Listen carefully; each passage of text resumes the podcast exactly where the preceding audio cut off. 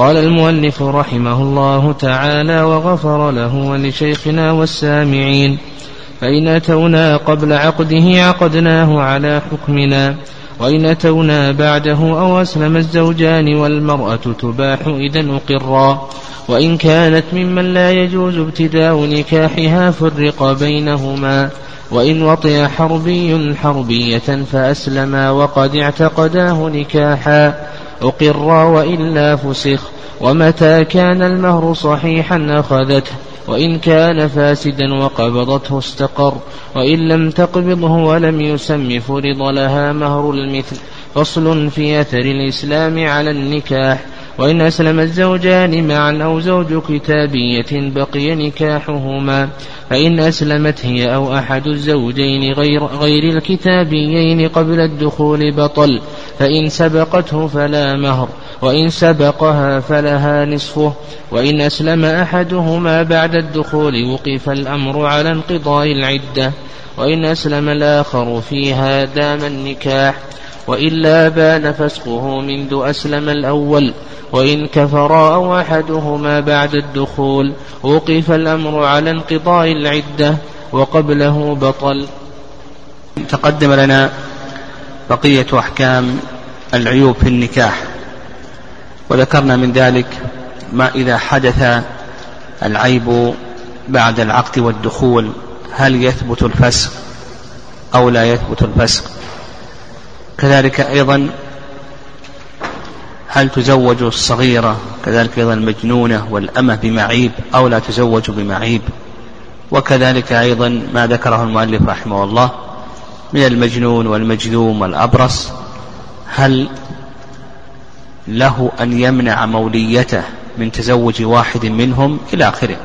ثم بعد ذلك تعرضنا لأحكام أنكحة الكفار.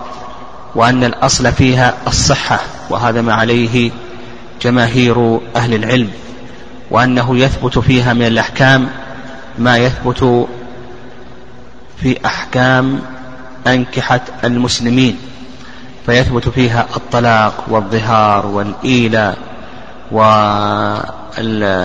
والنفقات وغير ذلك من الأحكام كما سلف بيانه وأنهم يقرون على فاسده بشرطين. الشرط الأول ألا يعتقدوا فساده في شريعتهم والشرط الثاني ألا, يترا ألا يترافع إلينا فإن اعتقدوا صحته في شرعهم ولم يترافعوا إلينا فإنهم يقرون وإن اعتقدوا فساده أو ترافعوا إلينا فإننا نحكم على شرعنا. قال المؤلف رحمه الله فإن أتونا قبل عقده عقدناه على حكمنا. يعني إذا أتانا الكفار قبل عقد النكاح فإننا نعقده على حكم المسلمين من أركان النكاح كما سلف ومن شروط صحة النكاح لا بد من الولي والشهادة وتعيين الزوجين والرضا.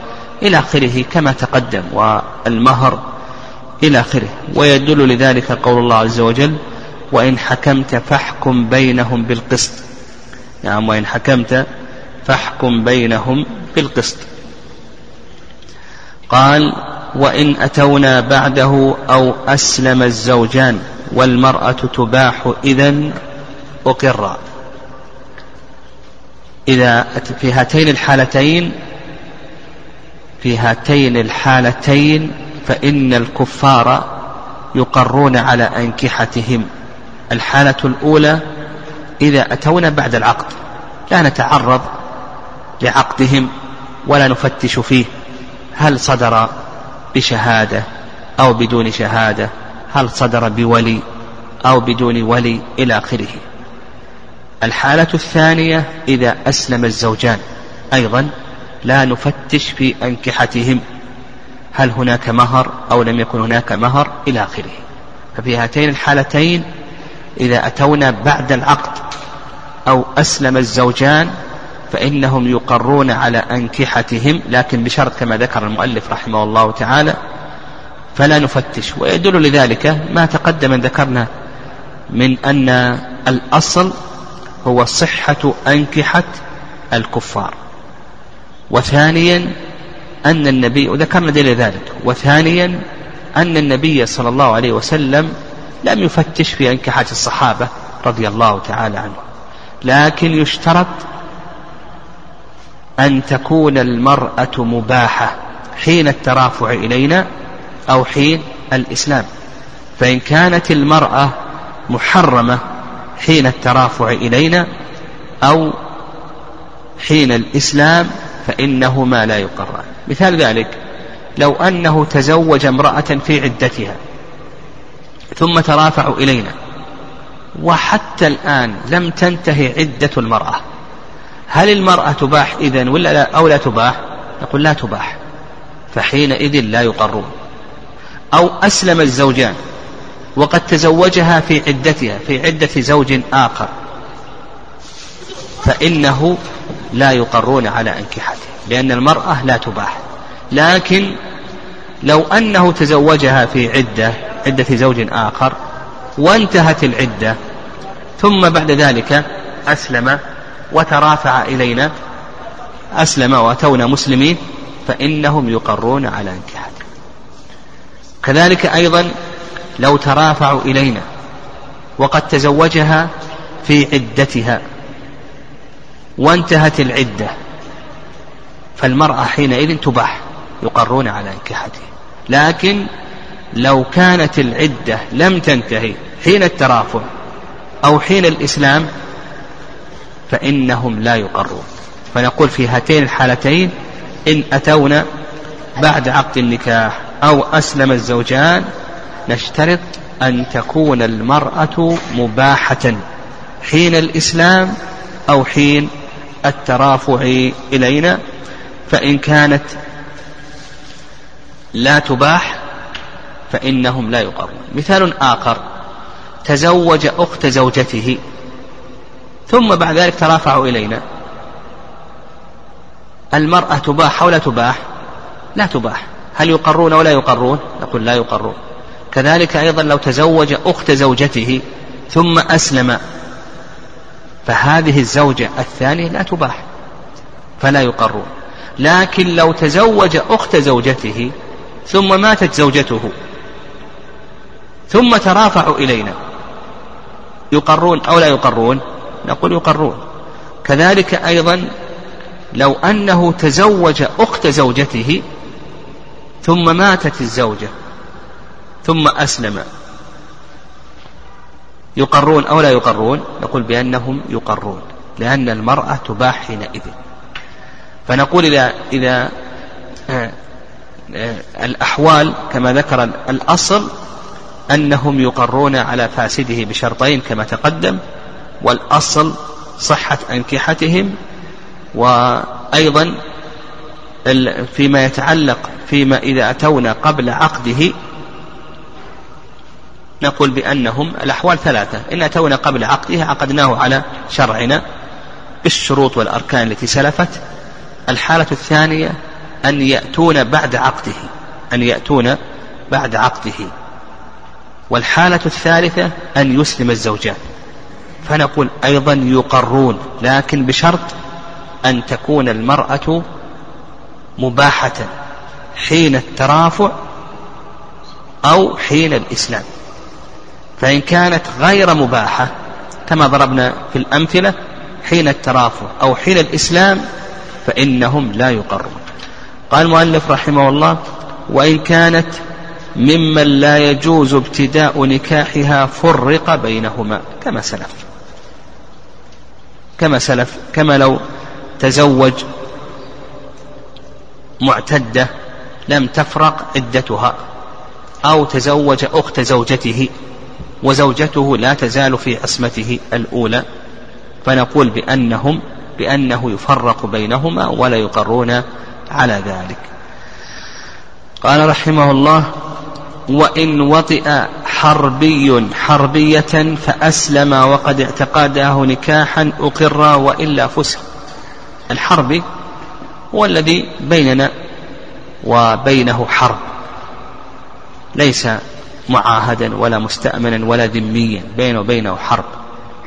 فإذا وطئ هذا الحربي هذه الحربية وقد اعتقداه نكاح يعتقد أن هذا هو النكاح. ثم بعد ذلك أسلم فإنهما يقران على ذلك. كما سلف أن النبي صلى الله عليه وسلم لم يفتش في أنكحة الصحابة رضي الله تعالى عنهم وأن الأصل في أنكحتهم الصحة. وعلى هذا إذا وطئها وهو يعتقد أن هذا هو العقد وأن هذا هو النكاح فإنهما يقران على ذلك. لكن إذا وطئها وهو لا يعتقده نكاحا وإنما يراه سفاحا فإنهما لا يقران على ذلك. ولهذا قال لك وإلا فسق أي فرق بينهما. ومتى كان المهر صحيحا أخذته وإن كان فاسدا وقبضته استقر وإن لم تقبضه ولم يسمى فرض لها مهر المثل. هذا فيما يتعلق بالمهر. الآن لما أسلم الزوجان ما حكم المهر؟ ذكر المؤلف رحمه الله ثلاث حالات للمهر. الحالة الأولى أن يكون المهر صحيحا وأخذته المرأة. يعني الحالة الأولى أن يكون المهر صحيحا وأخذته المرأة. والمهر الصحيح هو المهر الذي تقره الشريعة الإسلامية. كما لو أصدقها ثيابا أو برا أو ذهبا أو فضة وأخذته المرأة فإنه ليس لها إلا هذا المهر. لما تقدم أن الأحكام المترتبة على أنكحة المسلمين تترتب أيضا على أنكحة الكفار.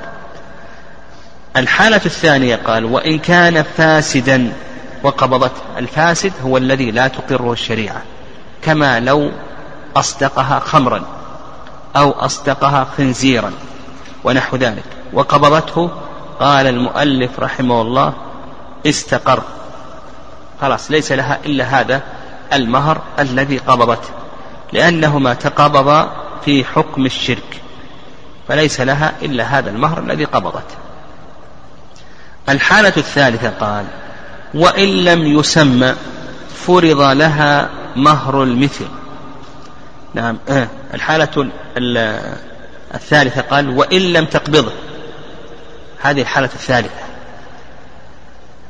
إذا فرض لها صداقا فاسدا. كخمر أصدقها مثلا كذا وكذا من الخمر أو أصدقها كذا وكذا من لحم الخنزير ولم تقبضه. فيقول المؤلف رحمه الله بأنه يجب لها مهر المثل يجب لها مهر المثل. وهذا سيأتينا إن شاء الله في باب الصداق قاعدة وأنه متى بطل المسمى وجب مهر المثل. ودل هذه القاعدة حيث ابن مسعود رضي الله تعالى عنه أنه سئل في امرأة توفي عنها زوجها ولم يفرض لها صداقا ولم يدخل بها. فقال ابن مسعود رضي الله تعالى عنه لها العدة وترث ولها عليها العدة وترث ولها مهر نسائها. فقال عليها العدة وترث ولها مهر نساء. فهذه لم يفرض لها قال ابن مسعود لها مهر نساء. فقام معقل بن سنان أشجعي فقال أشهد أن رسول الله صلى الله عليه وسلم قضى في بروة بنت واشق امرأة منا بمثل ما قضيت. فهذه لم يفرض لها وفرض لها النبي صلى الله عليه وسلم ماذا؟ مهر نسائها. فكذلك أيضا التي فرض لها مهر فاسد وجوده كعدمه كأنه لم يفرض لها فيفرض لها مهر نسائها. يعني ما تأخذه أمهاتها قريباتها من الأمهات والأخوات ممن تشابهها وتقرب منها كم تأخذ؟ نعم. فقال لك وإن لم تقبضه ولم تقبض شيئا منه فإنه يفرض لها مهر المثل. هذه الحالة الثالثة. نفرض لها مهر المثل. الحالة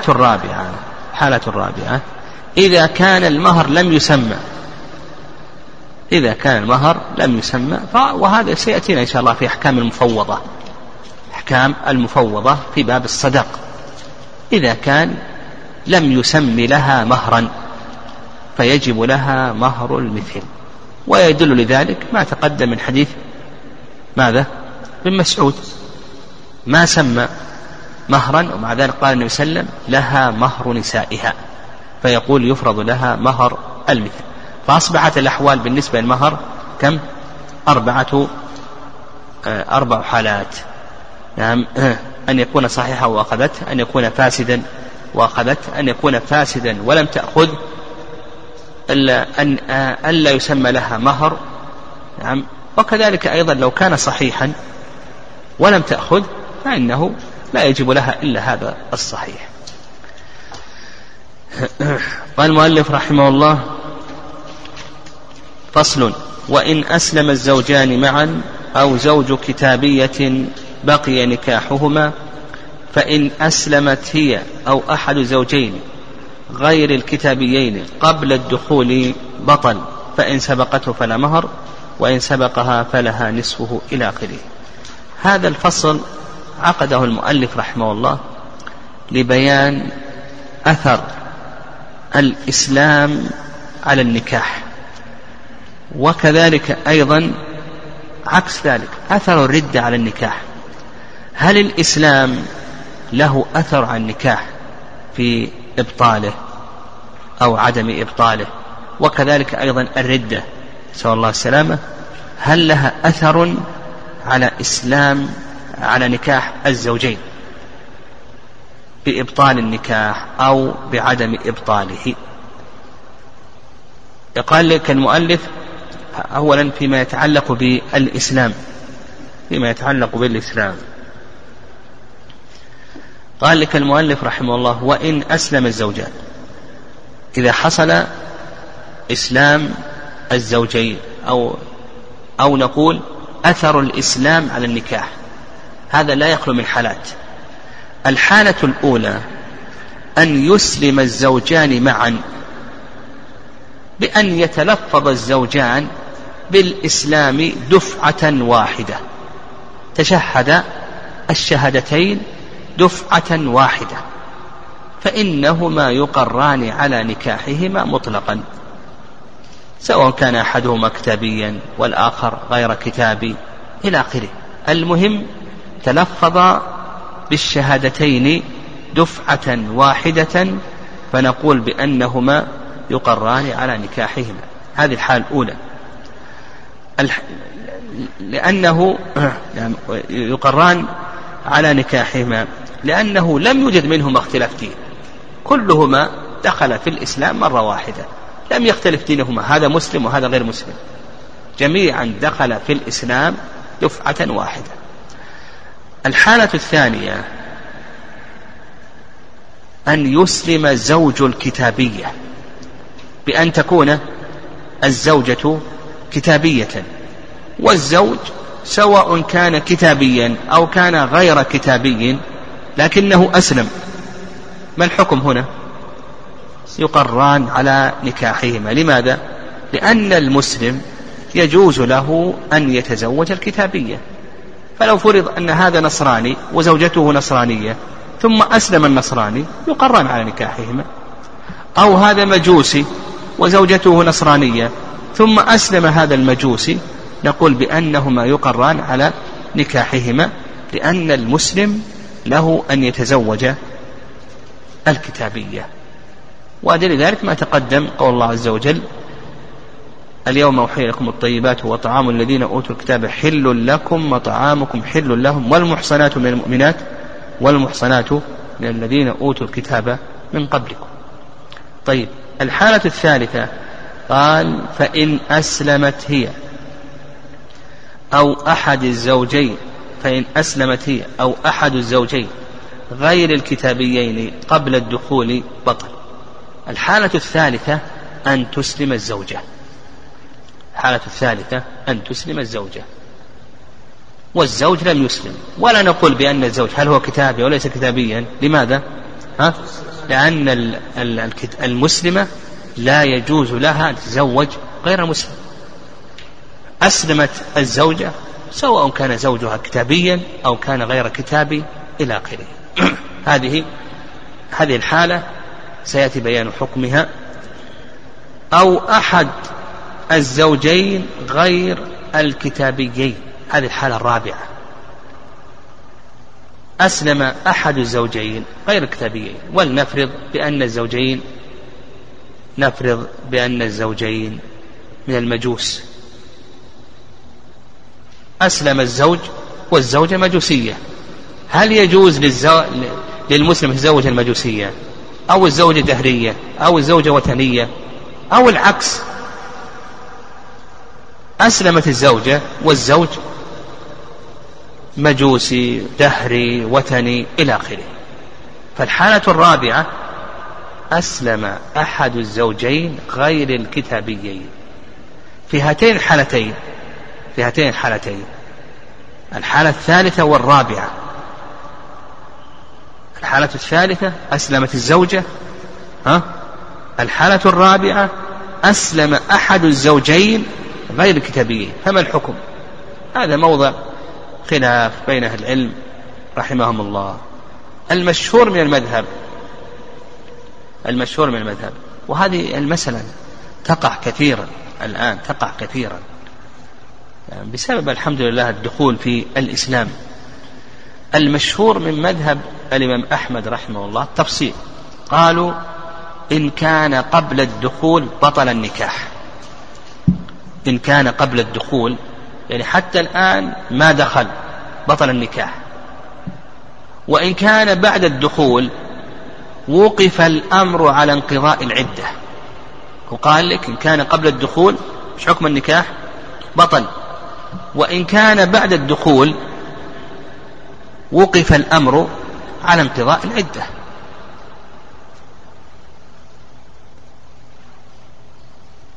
فإذا انتهت العدة ولم يسلم الآخر تبين أن الفرقة حصلت بين الزوجين منذ أسلم الأول.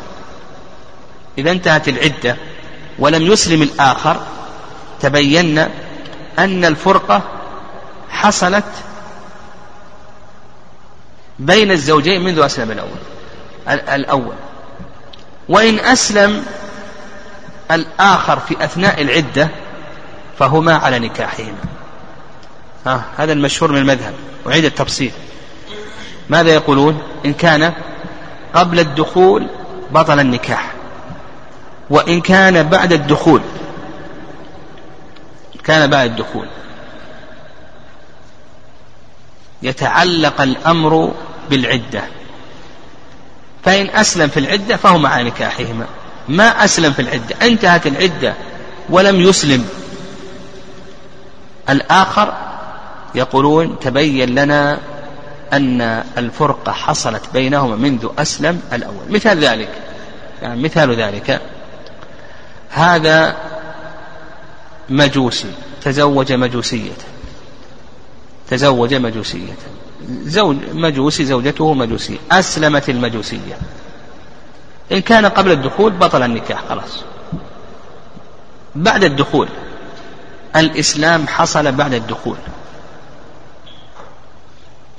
إن أسلم الزوج في عدة المرأة لأنها لما أسلمت تحتاج إلى عدة. لكي تحل الأزواج. فإن أسلم الزوج في أثناء العدة فهو مع نكاحهم انتهت العدة ولم يسلم الزوج. يقولون يتبين لنا أن الفرقة حصلت بينهما منذ أسلمت الزوجة. فنضرب للزوجة عدة عدتها إلى آخره. وسيأتينا إن شاء الله في باب العدد هل هي عدة أو استبراء؟ لكن المهم على المذهب أنها عدة فإذا كانت تحيض عليها ثلاث حيض. في هذه المدة إن أسلم الزوج الحمد لله على نكاحهما. ما أسلم الزوج؟ ها؟ في الحكم؟ تبين لنا أن الفرقة حصلت بينهما منذ أسلمت الزوجة. هذا هو المشهور من المذهب. نعم هذا المشهور من المذهب. وتعليق الأمر بالعدة نعم وهذا أيضا مذهب الشافعية. هذا هو المذهب ومذهب الشافعية. و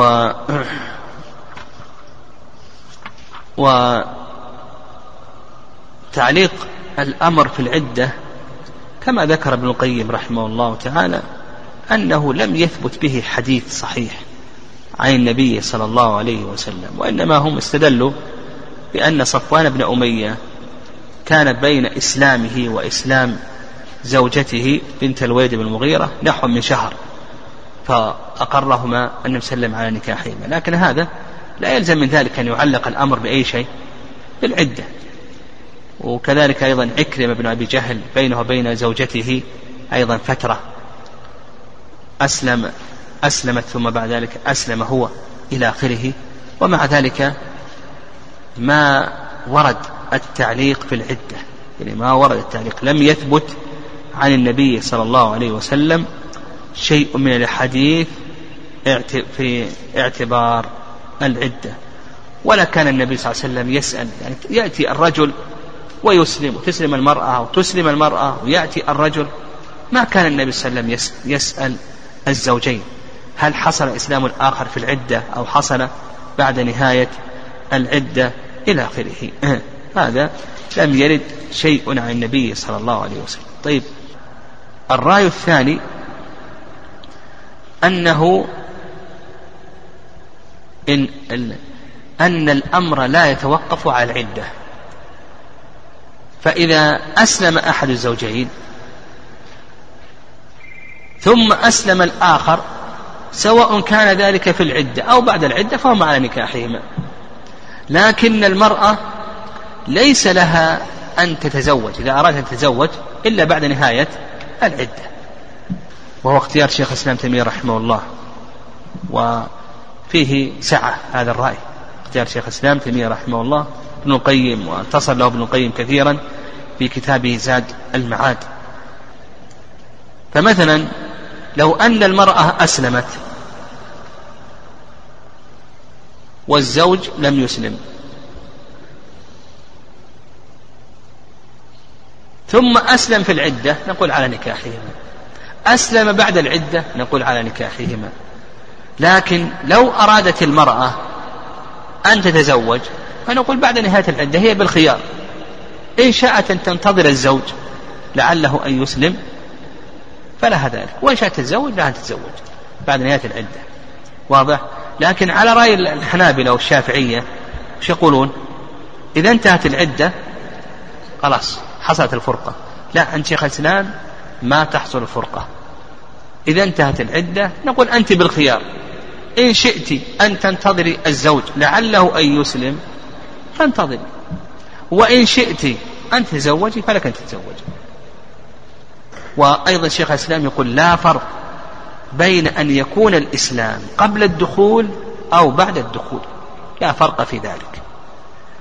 يعني وهذا القول هو الصواب. وقد ذكر ابن القيم رحمه الله أن زينب ابنة النبي صلى الله عليه وسلم ردها النبي عليه الصلاة والسلام على زوجها أبي العاص وكان بين إسلام زينب وإسلام أبي العاص أكثر من ثمانية عشرة سنة أكثر من ثمانية عشرة سنة.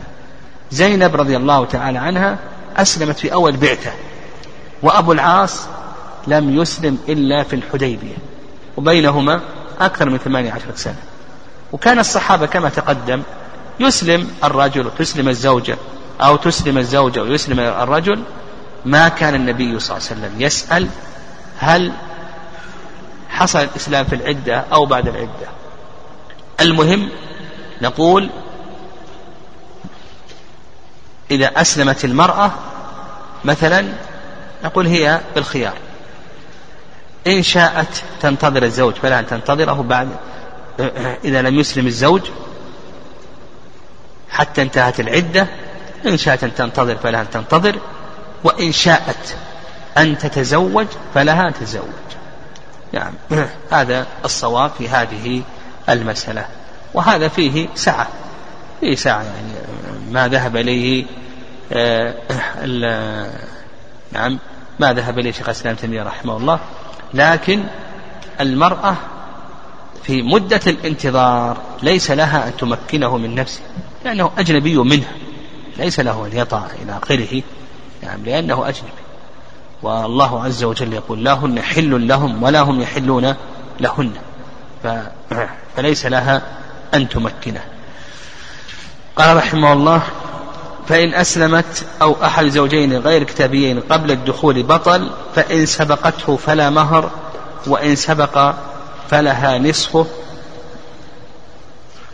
نعم. وإن أسلم أحدهما بعد الدخول وقف على انقضاء العدة. فإن أسلم الآخر دام النكاح وإلا بان فسخه منذ أسلم الأول. هذا تكلمنا عليه كله. طيب بقينا في المهر. بقينا في المهر.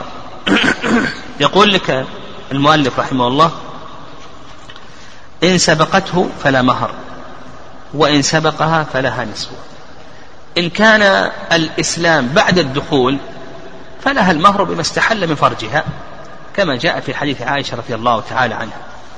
إذا كان بعد الدخول فلها المهر بما استحل من فرجها.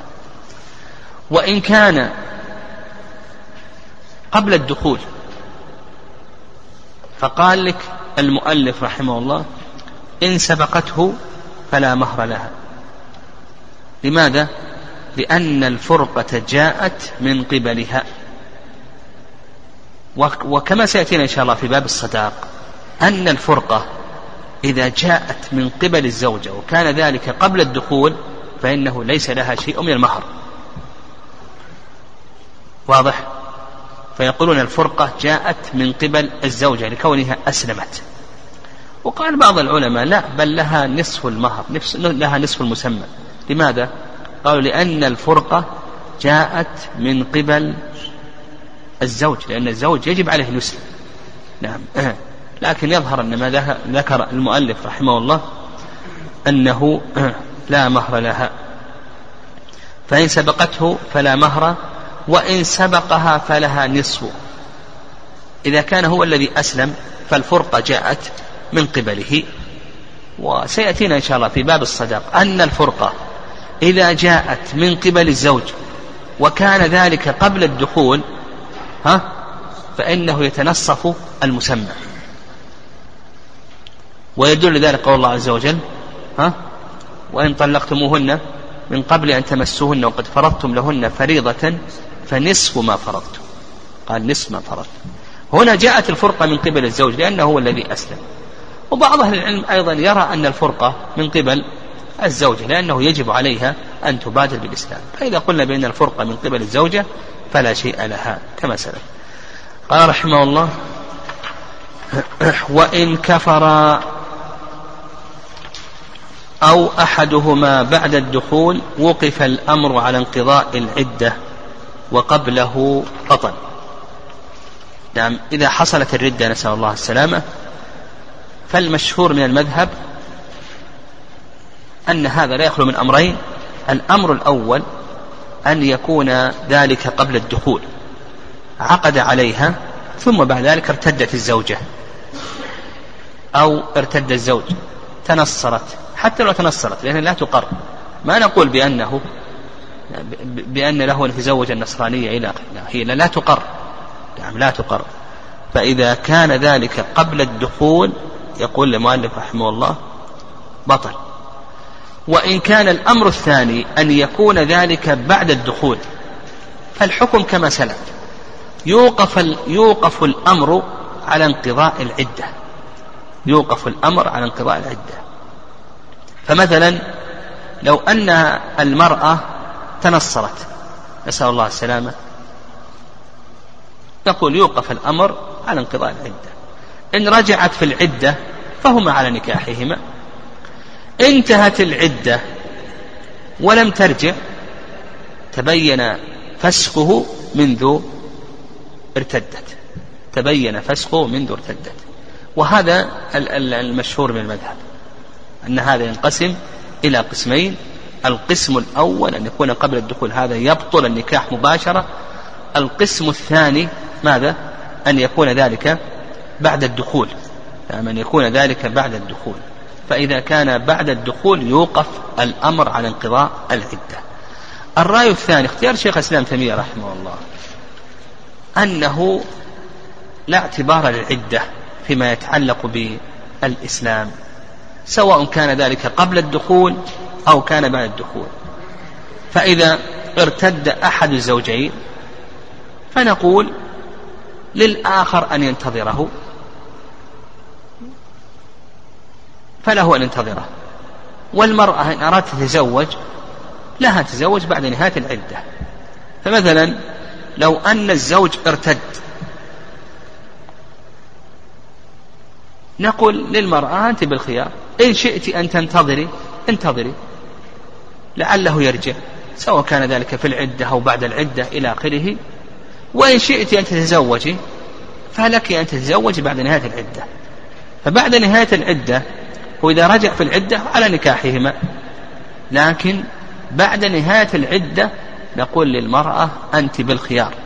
إن شئت أن تنتظري الزوج لعله أن يرجع فانتظري. وإن شئت أن تتزوجي فلك أن تتزوجي بعد نهاية العدة. نعم. وهذا القول هو الصواب. وهو اختيار شيخ الإسلام ابن تيمية رحمه الله. كما سلف الدليل على ذلك من عدم تجديد النبي صلى الله عليه وسلم العقد لابنته زينب رضي الله تعالى عنها. ابن حزم رحمه الله يعني ابن حزم رحمه الله تعالى يعني هو يعني لا يرى أن الإسلام له أثر على آه، عقد النكاح وأن عقد النكاح لا يزال باقيا. لكن كما أسلفنا وهذا الكلام يعني كلام شيخ الإسلام تيمية رحمه الله. أنه العقد لا يزال باقيا لكن إذا أرادت الزوجة أن تتزوج فنقول تنتظر حتى تنتهي العدة فهي بالخيار. إما أن تنتظر الزوج وهو مع نكاحهما إما أن أرادت بعد العدة أن تتزوج فلها ذلك. قال رحمه الله تعالى باب الصداق. قال يسن تخفيفه. نعم. آه، الصداق هو المهر الذي تعطاه المرأة أو نقول العوض الذي تعطاه المرأة وسمي صداقا لصدق الزوج في النكاح. وأما في الاصطلاح فعرف بتعريف. يعني في الاصطلاح عرف بتعريف فقيل بأنه المال الذي يجب في عقد النكاح في مقابلة المضع البضع. المال الذي يجب في عقد النكاح في مقابلة البضع. وقيل تعريف الحنفية وتعريف المالكية بأنه ما يعطى للزوجة في مقابل الاستمتاع بها. يعني ما يعطى للزوجة في مقابل الاستمتاع بها إلى آخره. نعم فالخلاصة في ذلك أن الصداق هو العوض الذي يجب للمرأة مقابل العقد عليها. نقول هو العوض الذي يجب للمرأة مقابل العقد عليها. والأصل فيه القرآن والسنة والإجماع. أما القرآن فقول الله عز وجل فإن طبن لكم عن شيء منه نفسا فكلوه هنيئا مريئا وآتوا النساء صدقاتهن نحلة وآتوا النساء صدقاتهن نحلة وأيضا السنة كما سيأتينا إن شاء الله كثير من الأحاديث والإجماع قائم على ذلك. وحكم الصداق حكمه أنه واجب. لقول الله عز وجل أن تبتغوا بأموالكم. فالله سبحانه وتعالى اشترط نعم الله سبحانه وتعالى اشترط للحل أن يبتغي بماله. وإذا شرط نفيه كما تقدم لنا ها فعند شيخ الإسلام تيمية رحمه الله أنه شرط فاسد مفسد. إذا شرط نفيه يعني لو قال أتزوج دون صداق فشيخ الإسلام يرى أنه شرط فاسد مفسد وعند أكثر أهل العلم أنه يجب لها مهر المثل. قال المؤلف رحمه الله يسن تخفيفه. يعني وقد جاء في ذلك حديث أبي هريرة رضي الله تعالى عنه في مسند أحمد وسنن النسائي الكبرى في البيهقي وصححه الحاكم والسيوطي وغير ذلك أن النبي صلى الله عليه وسلم قال أعظم النساء بركة أيسرهن مؤونة. وأيضا يدل لذلك حيث سهل في الصحيحين حديث سهل في الصحيحين. النبي صلى الله عليه وسلم قال التمس ولو خاتم من حديد. هذا فيه تسهيل. فلما لم يجد قال ما تحفظ من القرآن؟ قال أحفظ سورة كذا وكذا. قال زوجتك بما معك من القرآن. هنا منفعة استقع النبي صلى الله عليه وسلم منفعة التعليم. فهذا يدل على أنه يشرع تخفيف الصداق. قال يسن تخفيفه وتسميته في العقد. أيضا هذا هو السنة السنة أن يسمى. ما يقال زوجتها على مهر كذا مهر ولا يسمى بل يذكر المهر. زوجها على ألف ريال على ألفي ريال إلى آخره. ويدل لذلك قول النبي صلى الله عليه وسلم ملكتكها بما معك من القرآن. سمى النبي صلى الله عليه وسلم. النبي صلى الله عليه وسلم سمى قال ملكتكها بما معك من القرآن. هذا تسمية. وأيضا التسمية أيضا قطع للنزاع. يعني قطع للنزاع. لكن لو تركت التسمية ما حكم العقد؟ صحيح. هو الذي لا يجوز اشتراط نفي الصداق وسيأتينا إن شاء الله في أحكام المفوضة وأن المفوضة هي التي لم يسمى لها صداق ويدل ذلك قول الله عز وجل لا جناح عليكم إن طلقتم النساء ما لم تمسوهن أو تفرضوا لهن فريضة. فدل ذلك على أنه لا بأس أن تترك التسمية. لكن السنة أن تسمى لقطع النزاع. قال رحمه الله من أربعمائة من أربعمائة درهم إلى خمسمائة. يقول لك من أربعمائة درهم وهذا الصداق بنات أزواج النبي صلى الله عليه وسلم إلى خمسمائة وهذا صداق زوجات النبي صلى الله عليه وسلم. حيث أربعمائة أن علي رضي الله تعالى عنه لما تزوج فاطمة رضي الله تعالى عنه أصدقها درعه الحطمية وكان ثمنها أربعمائة درهم.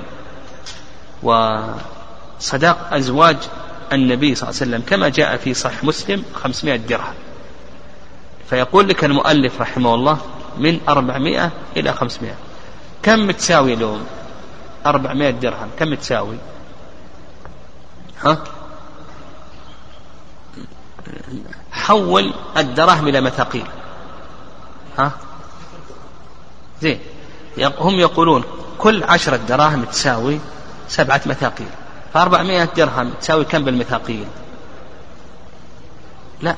280 280 مثقال. 280 مثقال. ال 280 مثقال من الفضة. مثقال الفضة كم وزنه؟ ها؟ أربعة غرامات وربع. اضرب 280 في أربعة وربع. كم يساوي بالغرامات؟ 280 أربعة وربع. كم؟ ها؟ ألف كم ألف ومية. ها؟ مئتين وثمانين في أربعة وربع.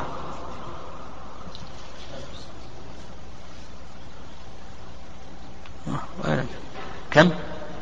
بس. كم؟ ألف ومية وتسعين. طيب. ألف ومية وتسعين غرام من الفضة.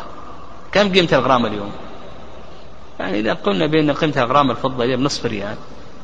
كم؟ يصير خم... يصير تقريبا 600 ريال. تقريبا 600 ريال. هذا صداق من؟ بنات النبي صلى الله عليه وسلم. 600 ريال. وإذا قلنا قلنا بأن غرام اليوم الفضة رخيصة جدا. وإذا قلنا بأن غرام الفضة يساوي ريال ها؟ 1190 ريالا. هذا صداق بنات النبي صلى الله عليه وسلم. وأما أزواج النبي صلى الله عليه وسلم فأضف ها؟ مئة درهم. مئة درهم هذه تساوي كم؟ تساوي سبعين مثقال. تساوي سبعين مثقال كما تقدم على الطريقة. قال المؤلف وكل ما صح ثمنا أو أجرة صح مهرا وإن قل. هذا ضابط. ما الذي يصح أن يكون صداقا؟ قال لك المؤلف رحمه الله كل ما صح أن يكون ثمنا أو أجرة صح أن يكون مهرا. كل ما صح أن يكون ثمنا أو أجرة من المنافع والأعيان صح أن يكون مهرا. نعم.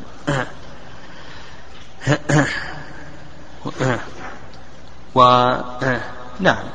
وعلى هذا عشرة ريالات يصح أن تكون ثمنا يصح أن تكون مهرا. واضح؟ عشرة ريالات يصح أن تكون أجرة تستأجر بها فيصح أن تكون ماذا؟ أن تكون مهرا. يعني وهذا ما ذهب إليه الحنابلة والشافعي هذا هو الضابط لأنه لأن أقل الصداق لم يتقدر. يعني الشارع ما قدر أقل الصداق ولم يقدر أكثره لم يقدره الشارع. وعند الحنفية أقل الصداق عندهم عشرة دراهم وعند المالكية ثلاث دراهم أو ربع دينار إلى آخره. الصواب في ذلك ما ذهب إليه الشافعية والحنابلة وأنه لا يتقدر وأن كل ما صح أن يكون ثمنا أو أجرة صح أن يكون مهرا من المنافع والأعيان. وأما وكذلك أيضا أقل أكثره لا يتقدر. الله عز وجل قال وآتيتم إحداهن قنطارا. القنطار قيل بأنه ألف مثقال ذهب. وقيل بأن القنطار ملء جلد الثور من الذهب. يعني ملء جلد الثور من الذهب. نعم. قال رحمه الله وإن قال وإن أصدقها تعليم قرآن لم يصح. نعم بل فقه وأدب وشعر مباح. نعم إذا أصدقها تعليم قرآن يقول لك المؤلف لا يصح. وهذا رأي أكثر أهل العلم أنه لا يصح. ويستدلون على هذا بأن النبي صلى الله عليه وسلم في قصة الواهبة قال لا تكون لأحد بعدك مهرا. قال لا تكون لأحد بعدك مهرا. وقالوا بأن الفروج تستباح بالأموال. يعني يقولون بأن الفروج لا تستباح إلا بالأموال لأن الله سبحانه وتعالى قال أن تبتغوا بأموال. والرأي الثاني رأي الشافعية وأنه يصح أن يصدقها تعليم القرآن. وهذا هو الذي دل له حيث الواهبة ملكتكها بما معك من القرآن. وأما قول القول بأن بما يروى عن وسلم لا تكون لأحد بعدك مهر هذا غير ثابت. هذا ليس ثابتا. ولو ثبت آه. آه. نعم. آه. لو ثبت كما تقدم لنا الكلام على هذه المسألة. نعم. وهي نعم. نقول الخصوصية هنا خصوصية وصف وليست خصوصية عين. هذا هو الصواب. طيب. وأما قولهم بأن الفروج لا تستباح إلا بالأموال نقول هنا التعليم هذه منفعة. يؤخذ عليها المال. نعم التعليم هذه منفعة. يؤخذ عليها المال. قال رحمه الله بل فقه وأدب وشعر مباح معلوم. يعني يصح أن يصدقها. تعليم مثلا كتاب الطهارة من زاد المستقنع فقه أو ال نعم أو الأدب أو العقيدة أو الحديث أو أصول الفقه إلى آخره نعم يصح أن نصدقها مثل هذه الأشياء هذا جيد نعم مثل أيضا قال المؤلف رحمه الله شعر مباح نعم أدب نعم. آه. كما لو استقع تعليم اللغة والبيان نحو ذلك إلى آخره والشعر المباح إلى آخره. يقول لك المؤلف رحمه الله بأن هذا جائز. نعم. وهذا مما يؤيد ما تقدم أنه يصح أن تصدق ماذا؟ تعليم القرآن. باب أولى. قال وإن أصدقها طلاق ضرتها لم يصح. لما تقدم من حيث أبي هريرة أن النبي صلى الله عليه وسلم قال لا تسأل المرأة طلاق أختها لتكفأ ما في صحبتها. فإذا اصدقها طلاق ضرتها نقول هذه تسمية باطلة. وسيأتينا إن شاء الله نعم سيأتينا إن شاء الله أنه إذا بطل مسمى يجب لها مهر مثله. ولهذا قال لك ولها مهر مثلها. قال ومتى بطل المسمى وجب مهر المثل. يعني متى بطل المسمى يقول لك المؤلف رحمه الله يجب مهر المثل. ودليل ذلك ما أسلفنا. يعني متى بطل المسمى لكونه آه، سمي على أمر محرم. يعني متى بطل المسمى لكونه سمي على أمر محرم كخمر أو خنزير. الخمر والخنزير إلى آخره. تسمية فاسدة عند المسلمين. أو كان مجهولا جهالة فاحشة إلى آخره. فمتى بطل المسمى وجب مهر المثل. ويدل لذلك ما أسلفنا من حديث ابن مسعود رضي الله تعالى عنه أنه سئل عن رجل توفي عن امرأة ولم يدخل بها ولم يفرض لها الصداقة فقال عليها العدة وترث ولها مهر نسائها. فقام بروع فقام معقل بن السنان الأشجعي رضي الله تعالى عنه وقال أشهد أن الرسول صلى الله عليه وسلم قضى في بروع امرأة منا بمثل ما قضيت فسر ابن مسعود. المهم هنا لم يفرض لها. كذلك أيضا إذا كان المفروض محرما فالمحرم شرعا كالمعدوم حسا كأنه لم يفرض. فيجب لها ماذا؟ يجب لها مهر المثل. يقول يجب مهر المثل نقف على الفصل.